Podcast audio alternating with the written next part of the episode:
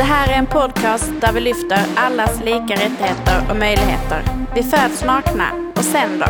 Vi som håller i den här podcasten är jag, Åsa. Och jag, Taivo. Vi är två nyfikna personer som frågar det som vet för att du också ska veta. Det här är vår podcast. Alla föds nakna.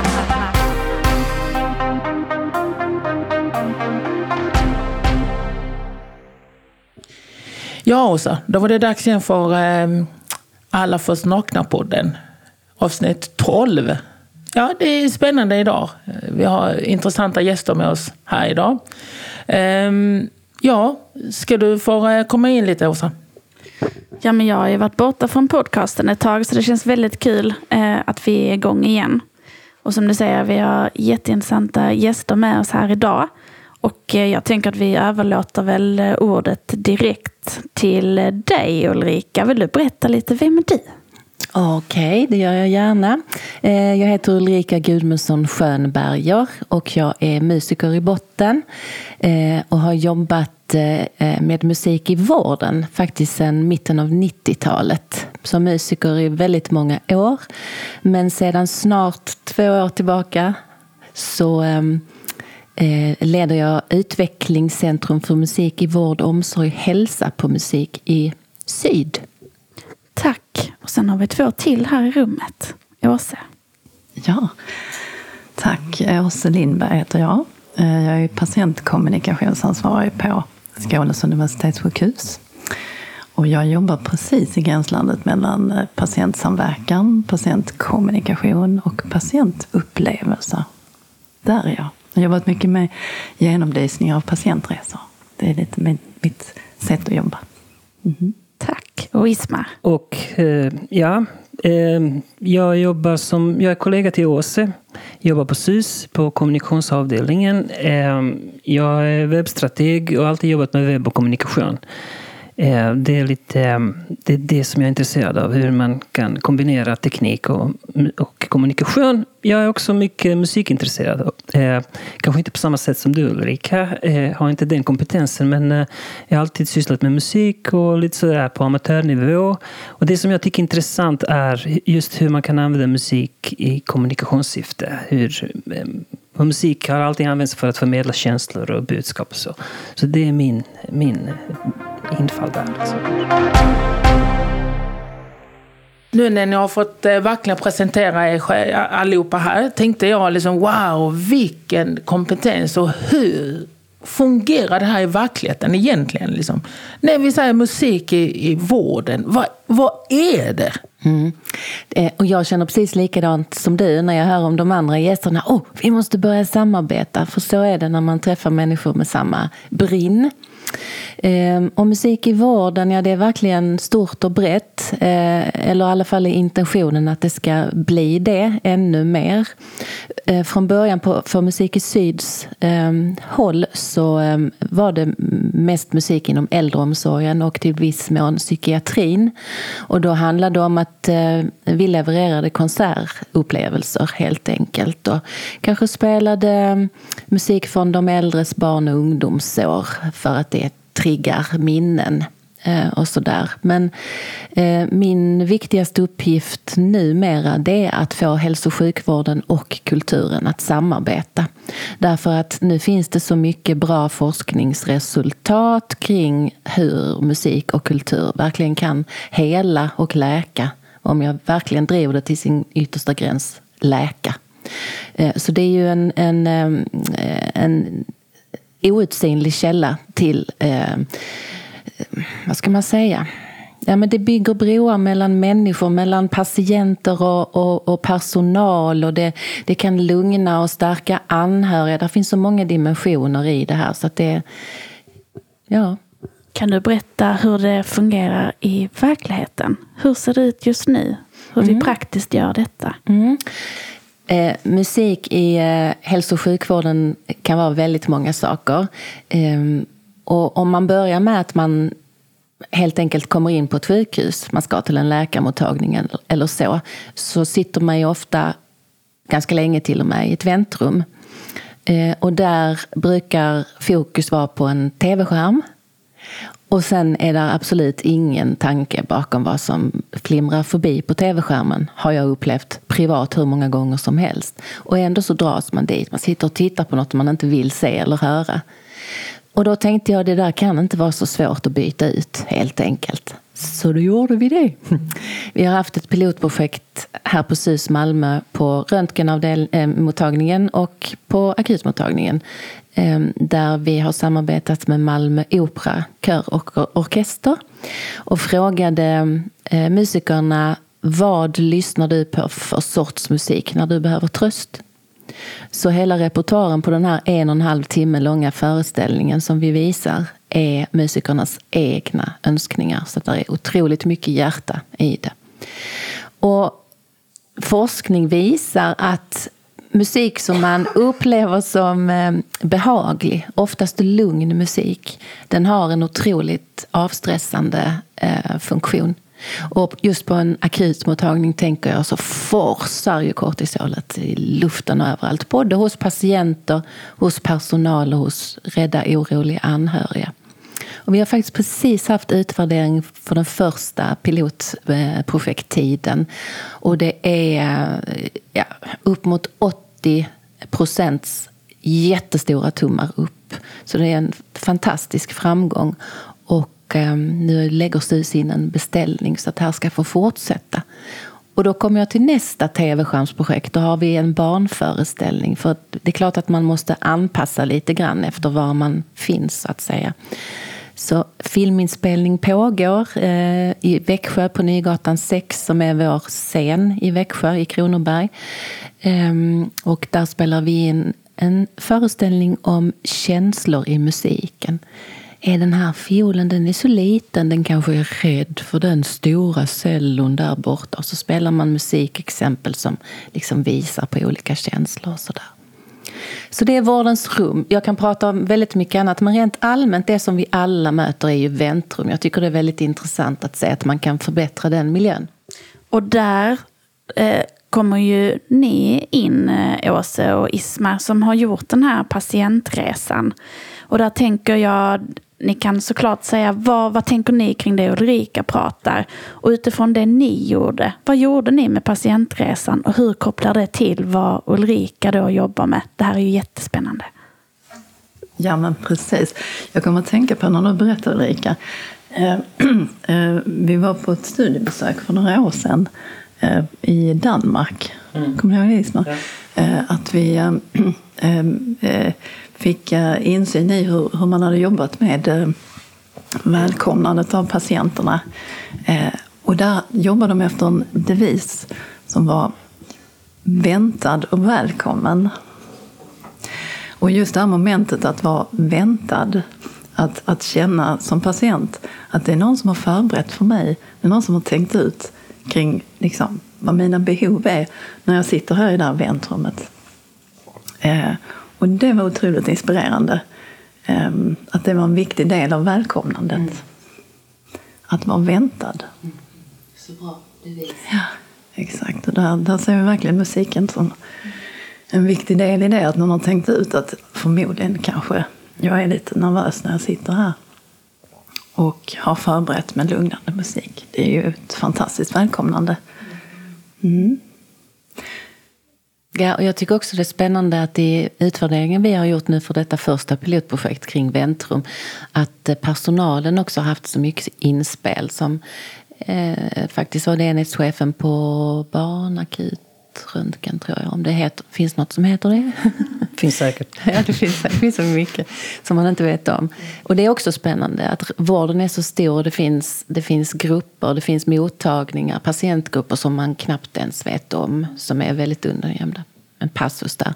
Men eh, den här enhetschefen hon sa att, eh, att hon hade liksom kommit från en patient, varit jätteförsenad och bara skulle springa igenom väntrummet till nästa patient. Och så var föreställningen igång när hon kom till väntrummet att hon kände att hon bara sänkte axlarna och blev lugn. Det var, det var häftigt att höra. Det var verkligen så. Ja, Rys. Jag tycker det är intressant det här med musiken, för det börjar ta mer plats inom vården. Eh, jag vet vi på SUS har haft olika insatser. Eh, dels är det det här med musik i väntrum. Eh, vi har något som heter musikterapi Eh, sen har vi ju, och det är mest för barn, eh, den musikterapin. Men det finns även något som jag hörde bara igår. Eh, det var Helene, vår kollega, som berättade jag ska kanske inte outa några namn här, men ehm, eh, som berättar om något som heter musikintervention till vuxna intensivvårdspatienter. Det är IVA som kommit fram till så de har gjort en studie och det finns en rapport om det. Eh, där folk eh, som vårdas på IVA är stressade eh, av sin sjukdom men även om de har hela den här apparaturen som övervakar. Och där man inser att medicinen inte räcker hela vägen och då testar man med musik.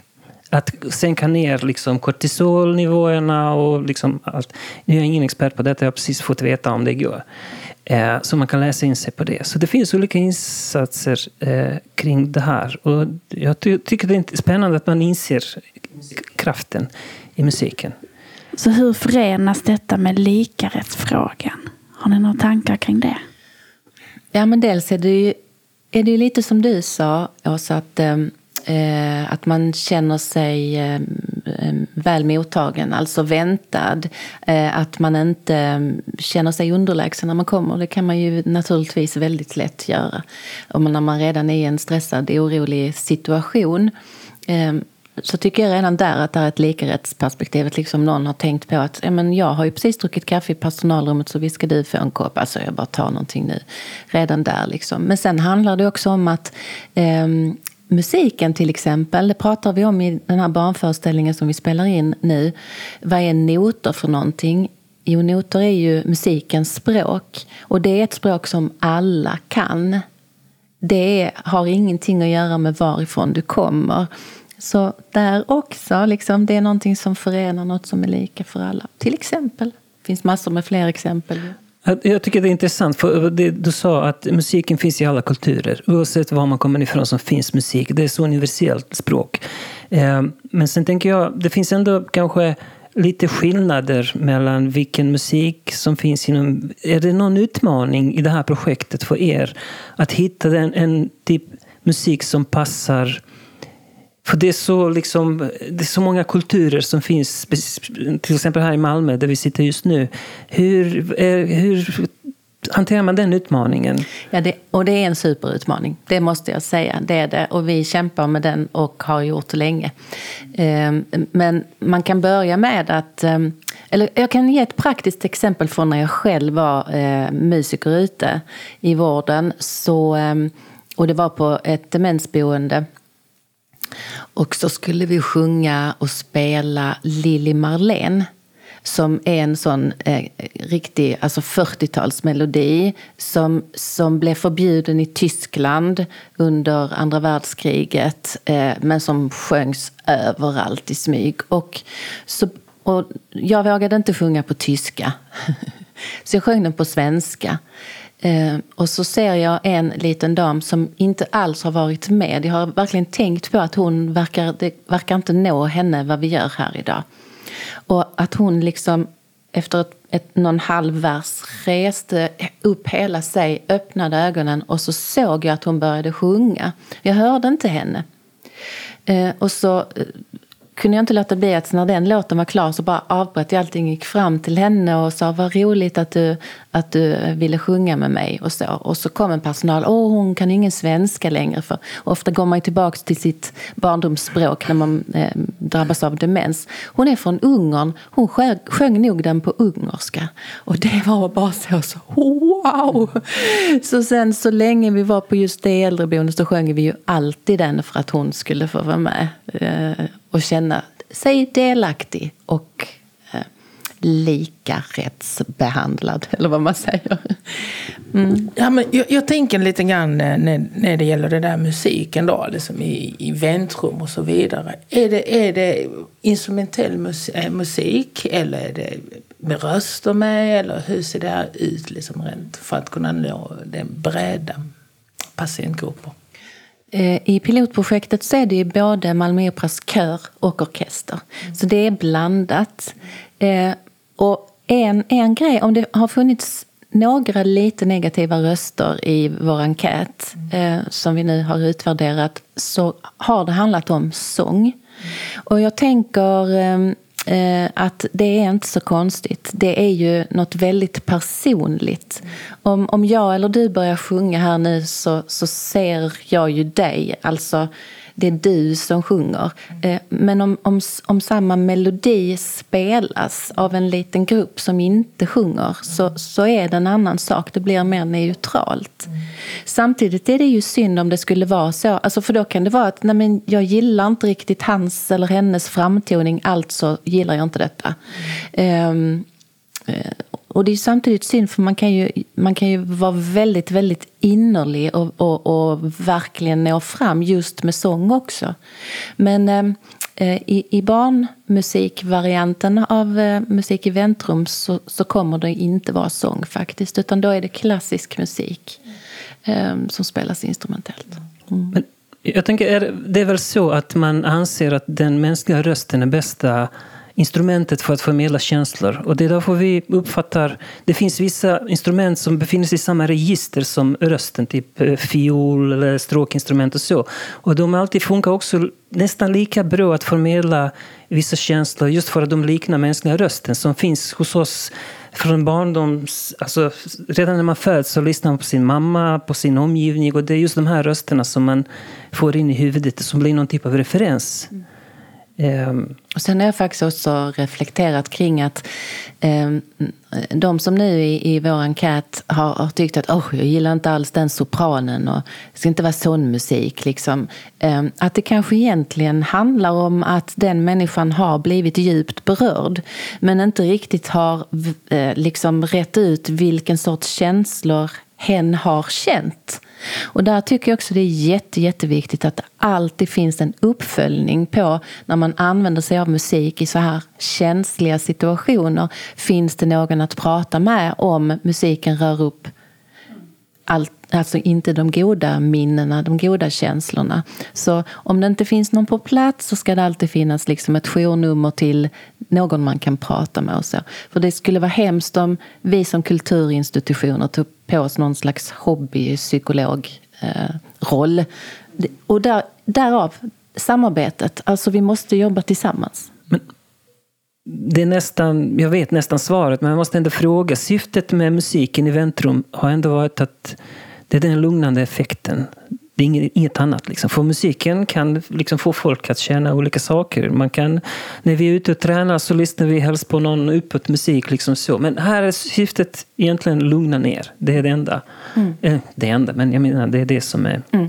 Det är det. Okay. Just i det här fallet är det det. Mm. Men vi har också, alltså man kan QR-koda hem föreställningen så man kan fortsätta och, och, lyssna på föreställningen hemma om man skulle känna för det. Och då kan jag tänka att då kan man faktiskt få en helt ny upplevelse när man är i sin hemmiljö. Och, och kanske i förlängning faktiskt ändå känner att det var ett bra besök. Fast att jag skulle göra en operation eller jag skulle röntgas och jag var rädd och nervös när jag skulle dit. Faktiskt. Så lugnande men också tröstande och välkomnande. Alltså det känns som att vi har pratat in flera eh, aspekter i det. Men ni, Åse och Isma, som var med i det här med patientresan och så. Jag tänker vi pratar här om välkomnande och att du kommer till, till eh, vårdens rum, kanske ett väntrum. Men den, resan börjar någonstans. Och det här är en del i detta. Vill ni berätta mer om hela upplevelsen? Vad har ni sett eh, i detta? Vad har ni kommit fram till? Mm. Jo, de här genomlysningarna av patientresan då, som vi gjorde före pandemin. Eh, vi började ganska enkelt med besök på olika mottagningar i Lund och i Malmö. Oftast samma typ av mottagning i både Lund och i Malmö. Och sen efter ett tag så byggde vi, byggde vi in även patientintervjuer Eh, så vi har intervjuat drygt 200 patienter. Och eh, vi börjar också samarbeta med Funktionsrätt Skåne som är en eh, organisation som hur ska man säga, organiserar då 38 olika patientföreningar. Så det är då patienter med olika typer av funktionsvariationer. Och då var det representanter från de här patientföreningarna som kom till den mottagningen som vi tittar på fick en kallelse i handen någonstans på området och varsågod och hitta rätt. och, och dokumentera de, de hinder och problem som, som du möter. Och sen då kombinerat med alla de andra delarna som vi har i genomlysningarna, att vi tittar på statistik för telefoni, för webb, vi kollar e-tjänsterna, vi ringer när det är öppet, vi ringer när det är stängt, vi tittar på eh, den fysiska vägen in, eh, kollar så att det stämmer med vad som står på webben och närmsta busshållplats och ja, ni hör allt möjligt. Vi har tittat på kallelser, vi tittar på patientinformationsmaterial. Och så försöker vi liksom skapa en bild av hur det är att vara patient på just den här mottagningen.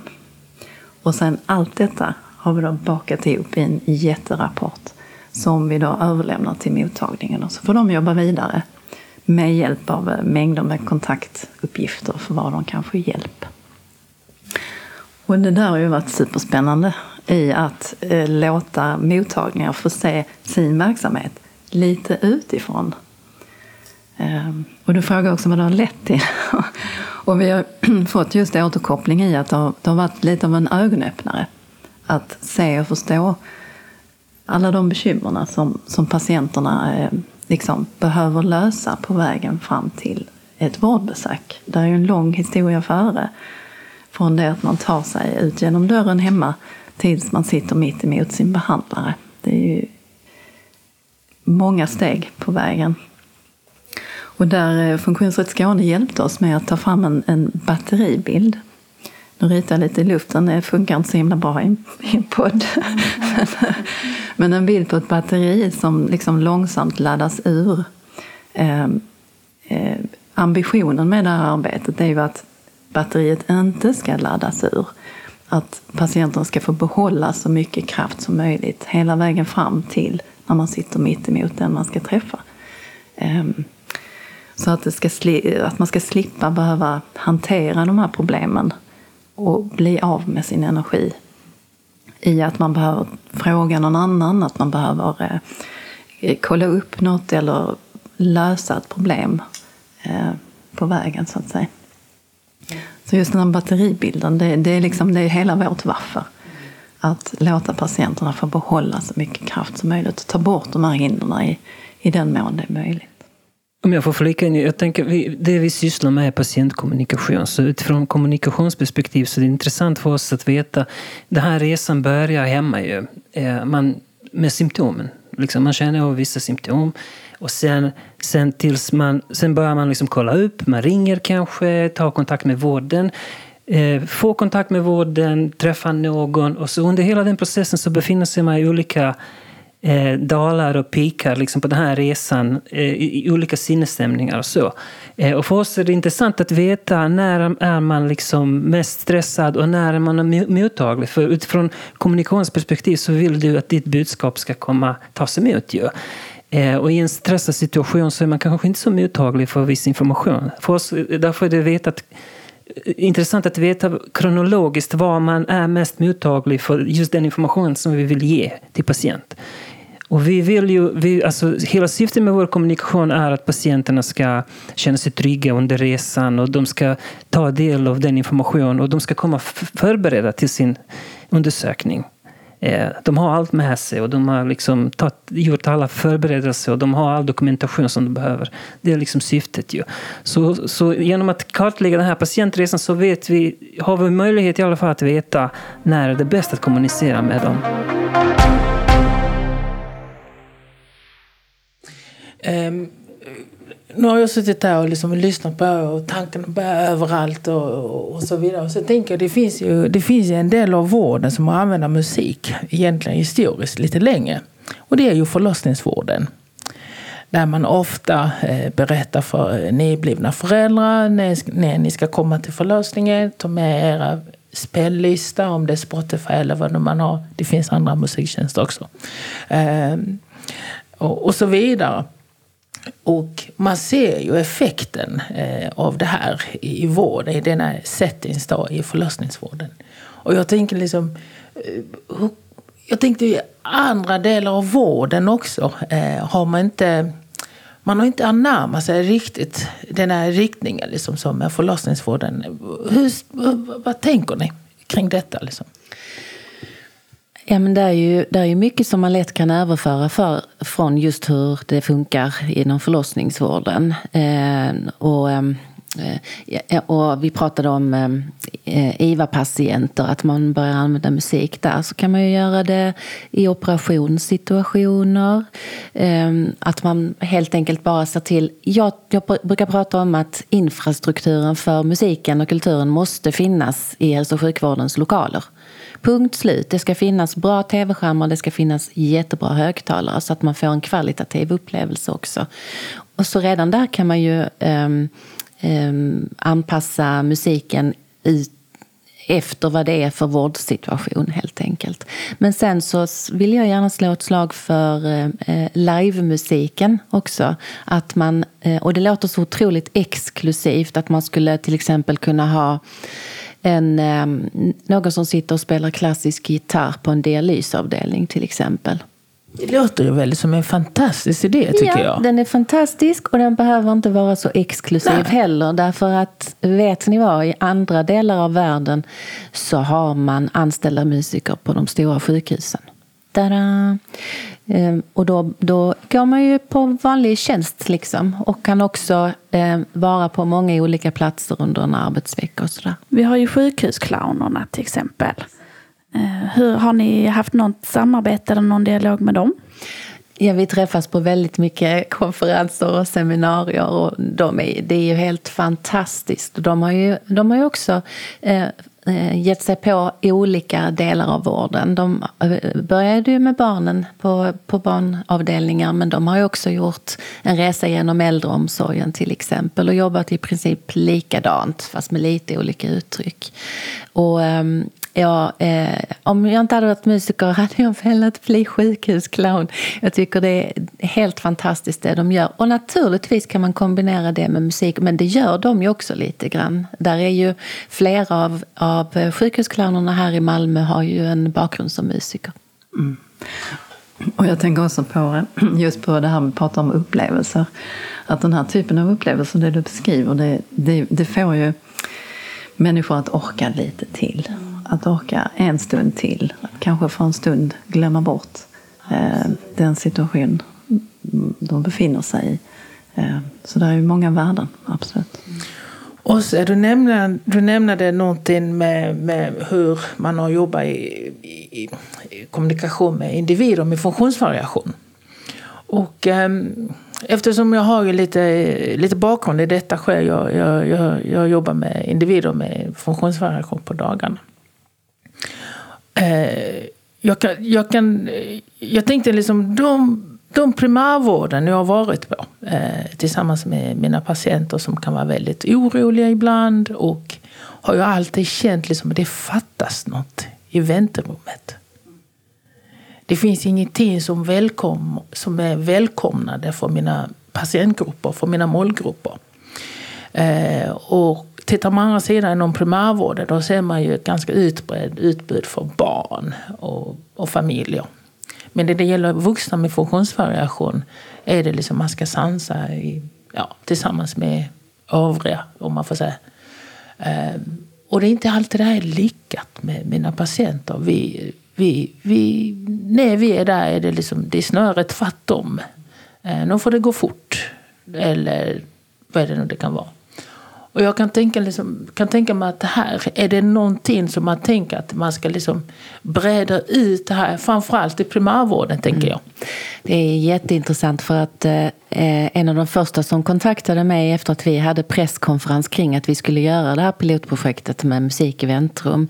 Det var från en, någon slags habiliteringsmottagning i Helsingborg eh, som helt enkelt var en hjälpmedelscentral för eh, eh människor inom LSS. Och han berättade för mig att eh, eh, de länge, länge hade tänkt på utmaningarna i sitt väntrum. Därför att de människor som kom dit för att få prova ut sina hjälpmedel och sånt eh, hade ofta väldigt stora kognitiva ehm, ehm, utmaningar och det var de upplevde det som att deras väntrum var en enda oroshärd.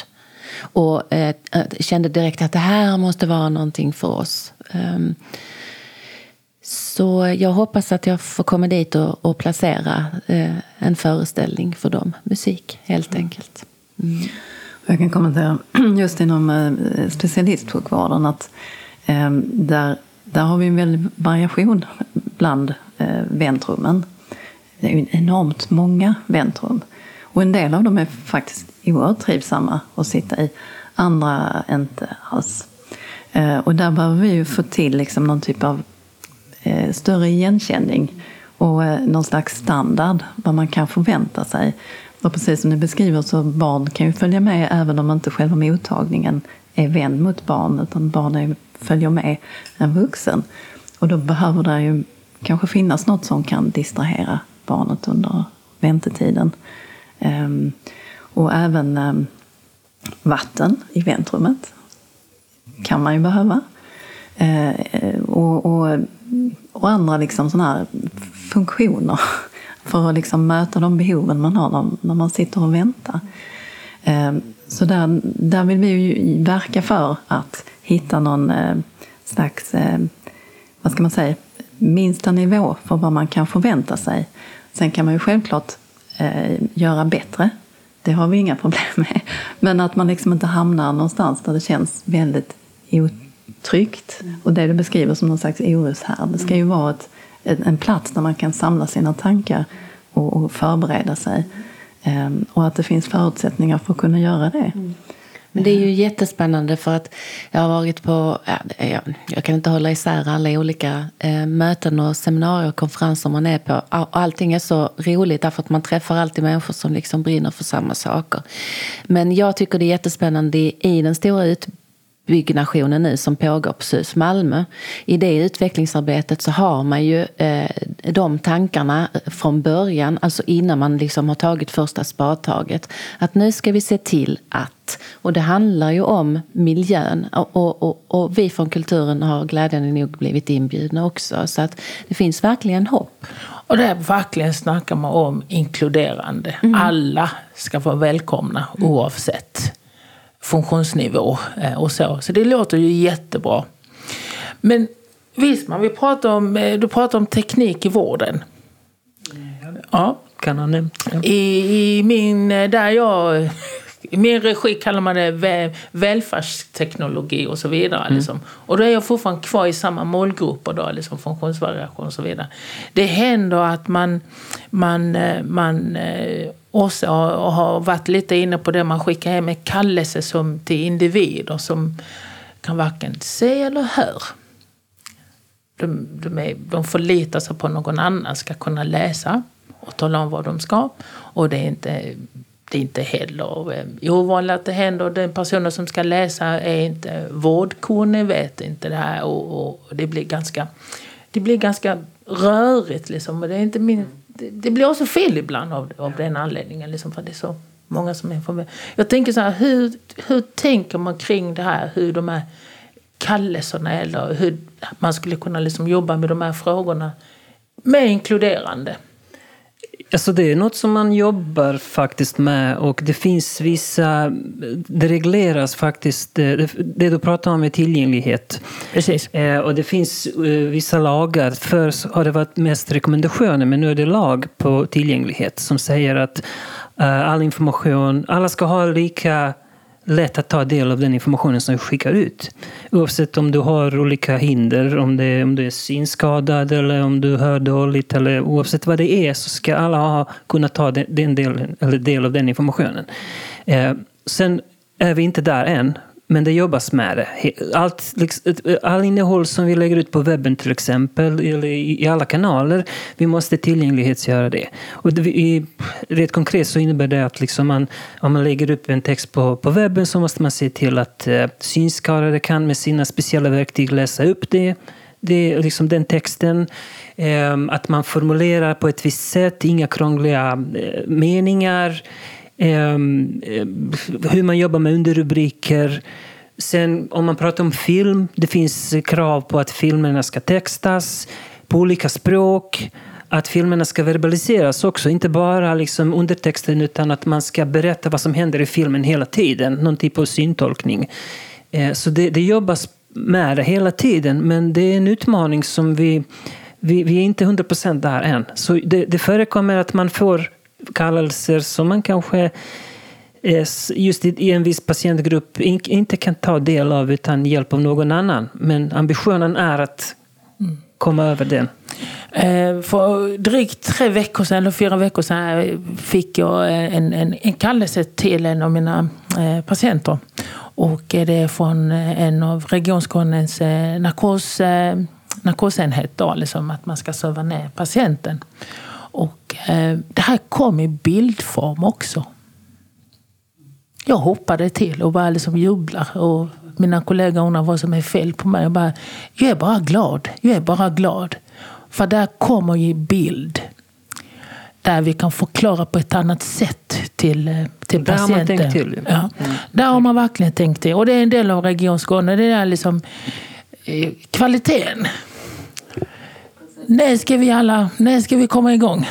Du säger det inte 100 procent, men... Ja, jag kan nämna faktiskt ett arbete som jag är involverad i när det gäller barn och ungdomssjukvården. Där vi jobbar just med bildstödda kallelser. Mm. Och där, där skickar, skickas det fortfarande ut den här eh, traditionella, vanliga. Men det, den är kompletterad med ett material som är vänt direkt till barnet. Ehm, och så har vi olika liksom, nivåer. Från det allra minsta barnet till eh, något lite äldre skolbarnet och sen så då eh, ungdomen. Där vi eh, då jobbar med bilder för att illustrera de olika delarna i, i besöket. Vilket gör att, att barnet får en helt annan kontroll över sitt besök och kan liksom använda det här materialet för att mer eller mindre kryssa av. Nu har jag gjort det. Nu har jag gjort det. Så istället för att liksom bara komma in i ett sammanhang där man inte riktigt förstår så, så känner barnet en helt annan liksom, kontroll över en, en jobbig situation och kan ha förberett sig i god, god tid. Och då är det ju jätteviktigt att när, när det är barnet eller vem det nu än är som har tagit del av, av eh, en, en sån bildstödd information när man kommer till mottagningen att det, liksom, det språket finns där också. Det vet jag du och jag pratade lite om alltså när vi träffades första gången. Det här med symbol. Alltså, och du, du pratade om eh, rubriker och underrubriker. Redan där har man ju liksom tappat det lite för att det finns ju miljarder olika sätt att liksom ge information. Du ska gå dit och, och det är den avdelningen och så. Men med, med ett väldigt, väldigt enkelt bildspråk istället. Alltså, eller hur? Ja men exakt, man kan ju nå betydligt längre. Eh, om, om det är så att någon förstår nästan så kan ju en bild förtydliga och göra det, göra det förståeligt. Mm. Om jag då känner, jag jobbar i en klinisk verksamhet och jag vill jobba med detta. Jag vill ha musik i vårt väntrum. Jag vill eh, jobba med bildstöd. Jag vill, jag vill göra allt detta. Hur, hur, var tar jag reda på hur jag ska göra? Var hittar jag informationen? Var får jag mitt stöd? Ulrika, du vill svara. Ja, men är, är, det inte så att man ska gå likarättsutbildningen då? det ska jag göra i nästa vecka. Jag är otroligt eh, spänd på det. Nej, men det är ju det, alltså där samlas ju allting. Och, och för den delen så tycker jag ju när vi sitter här och pratar att allting som ni två jobbar med är, är ju så likt vad, vad Likarättsakademin sysslar med och, och sådär. Liksom. Så att lyfta, lyfta den verksamheten tycker jag är helt essentiellt. Uh, ute i verksamheten så finns det ju kommunikationsrådgivare för de olika verksamhetsområdena.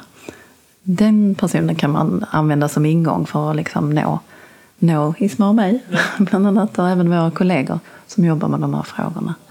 Det går också att söka på intranätet. Patientupplevelse, så kan man nog söka sig fram till, eh, till sidor som handlar om precis det här vi har pratat om.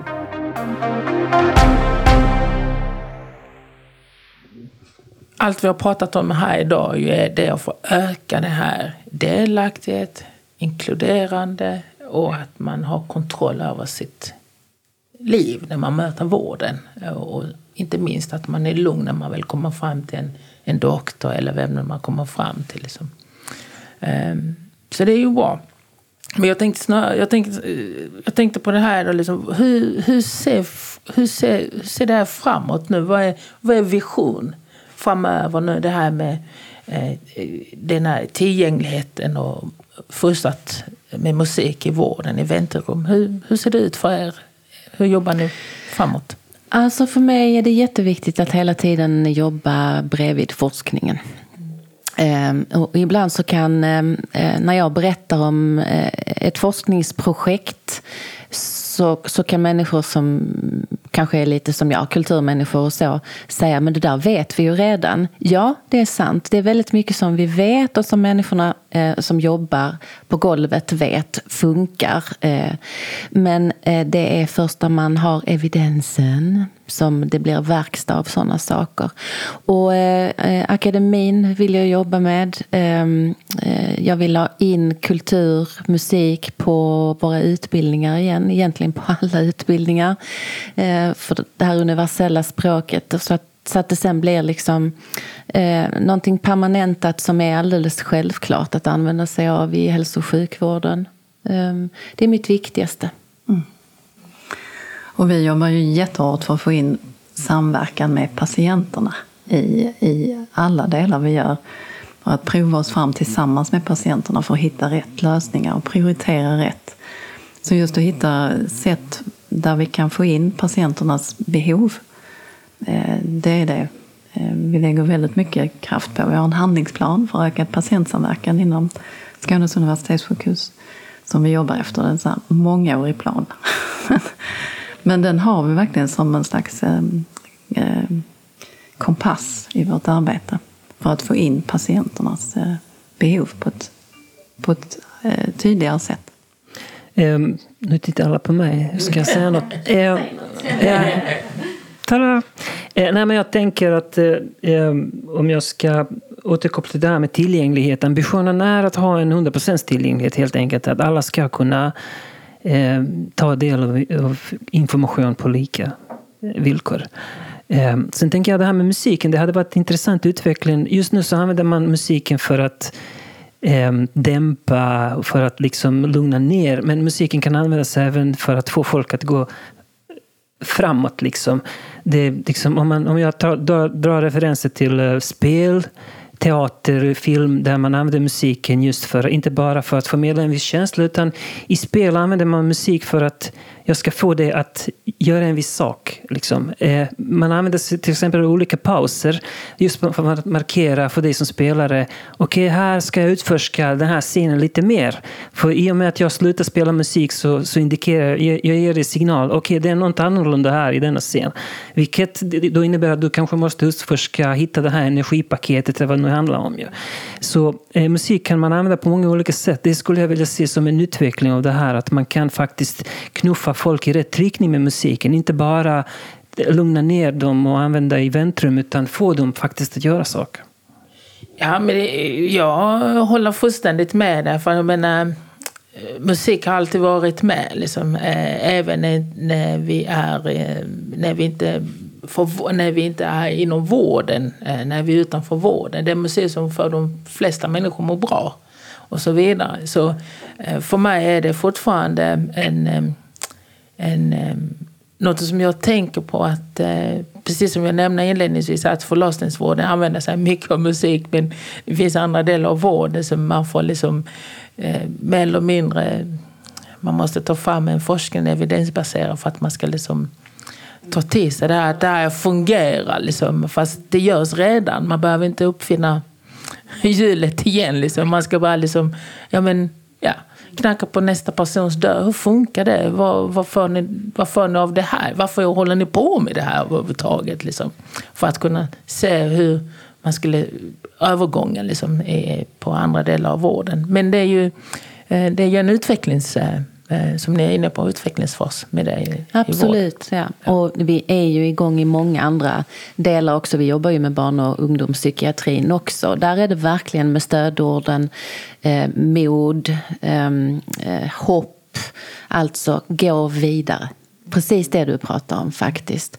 Eh, genom att ha, eh, göra väldigt, väldigt hoppfull musik med texter. Alltså lyriken mycket är ju dur, jätteviktig durbaserad också. och så liksom. Vad sa du? Jag tänker mycket durbaserad ja. musik eh, just för hopp mm. och liksom den här lekfullheten. Mm. och Ja, vi, vi har faktiskt använt oss av, eh, av gospelmusik. Okej. Mm. Ja. Ja, och den är ju inte bara durig. inte bara det, det, det är. Mm. rätt mycket vemod i den också. Men eh, gospel och countrymusik Mm. har ju alltid använt sig väldigt mycket av liksom, väldigt starka texter som handlar väldigt mycket om ditt eget värde och sådär. Så Mm. det, tror jag, det tror jag mycket på. Vår podcast heter Alla föds nakna. Och vi eh, brukar ställa frågan eh, till de som medverkar i podcasten. Vad, eh, ja, vi, tänker, vi frågar vad tänker ni när ni hör Alla föds nakna? Jag tänker det här grundläggande mänskliga. Och det är ett väldigt spännande namn på en podd. Men jag, jag tänker verkligen på det där grund, det grundläggande mänskliga som vi liksom förenar oss alla oavsett. eh, tänker jag på. Ja, men jag tänker också eh, namnet på något sätt eh, ger mig någon typ av signal att, eh, att, att i och med att vi alla föds nakna, vi alla föds utan fördomar, vi föds med samma förutsättningar egentligen. Sen är det livet och omgivningen som, som bildar oss som, som den person vi, de personer vi blir. Men, eh, men eh, just som du säger, det här grundläggande, liksom, att vi alla är lika egentligen i grunden. Vi brukar, brukar prata om allting som skiljer. Men där är ju oerhört mycket Ja, som det är förenar. oerhört mycket som, som, Förenar. som förenar oss faktiskt. Och jag tänker att det är bara världens bästa namn. Och, och jag känner, kan vi inte bara få fortsätta vara nakna?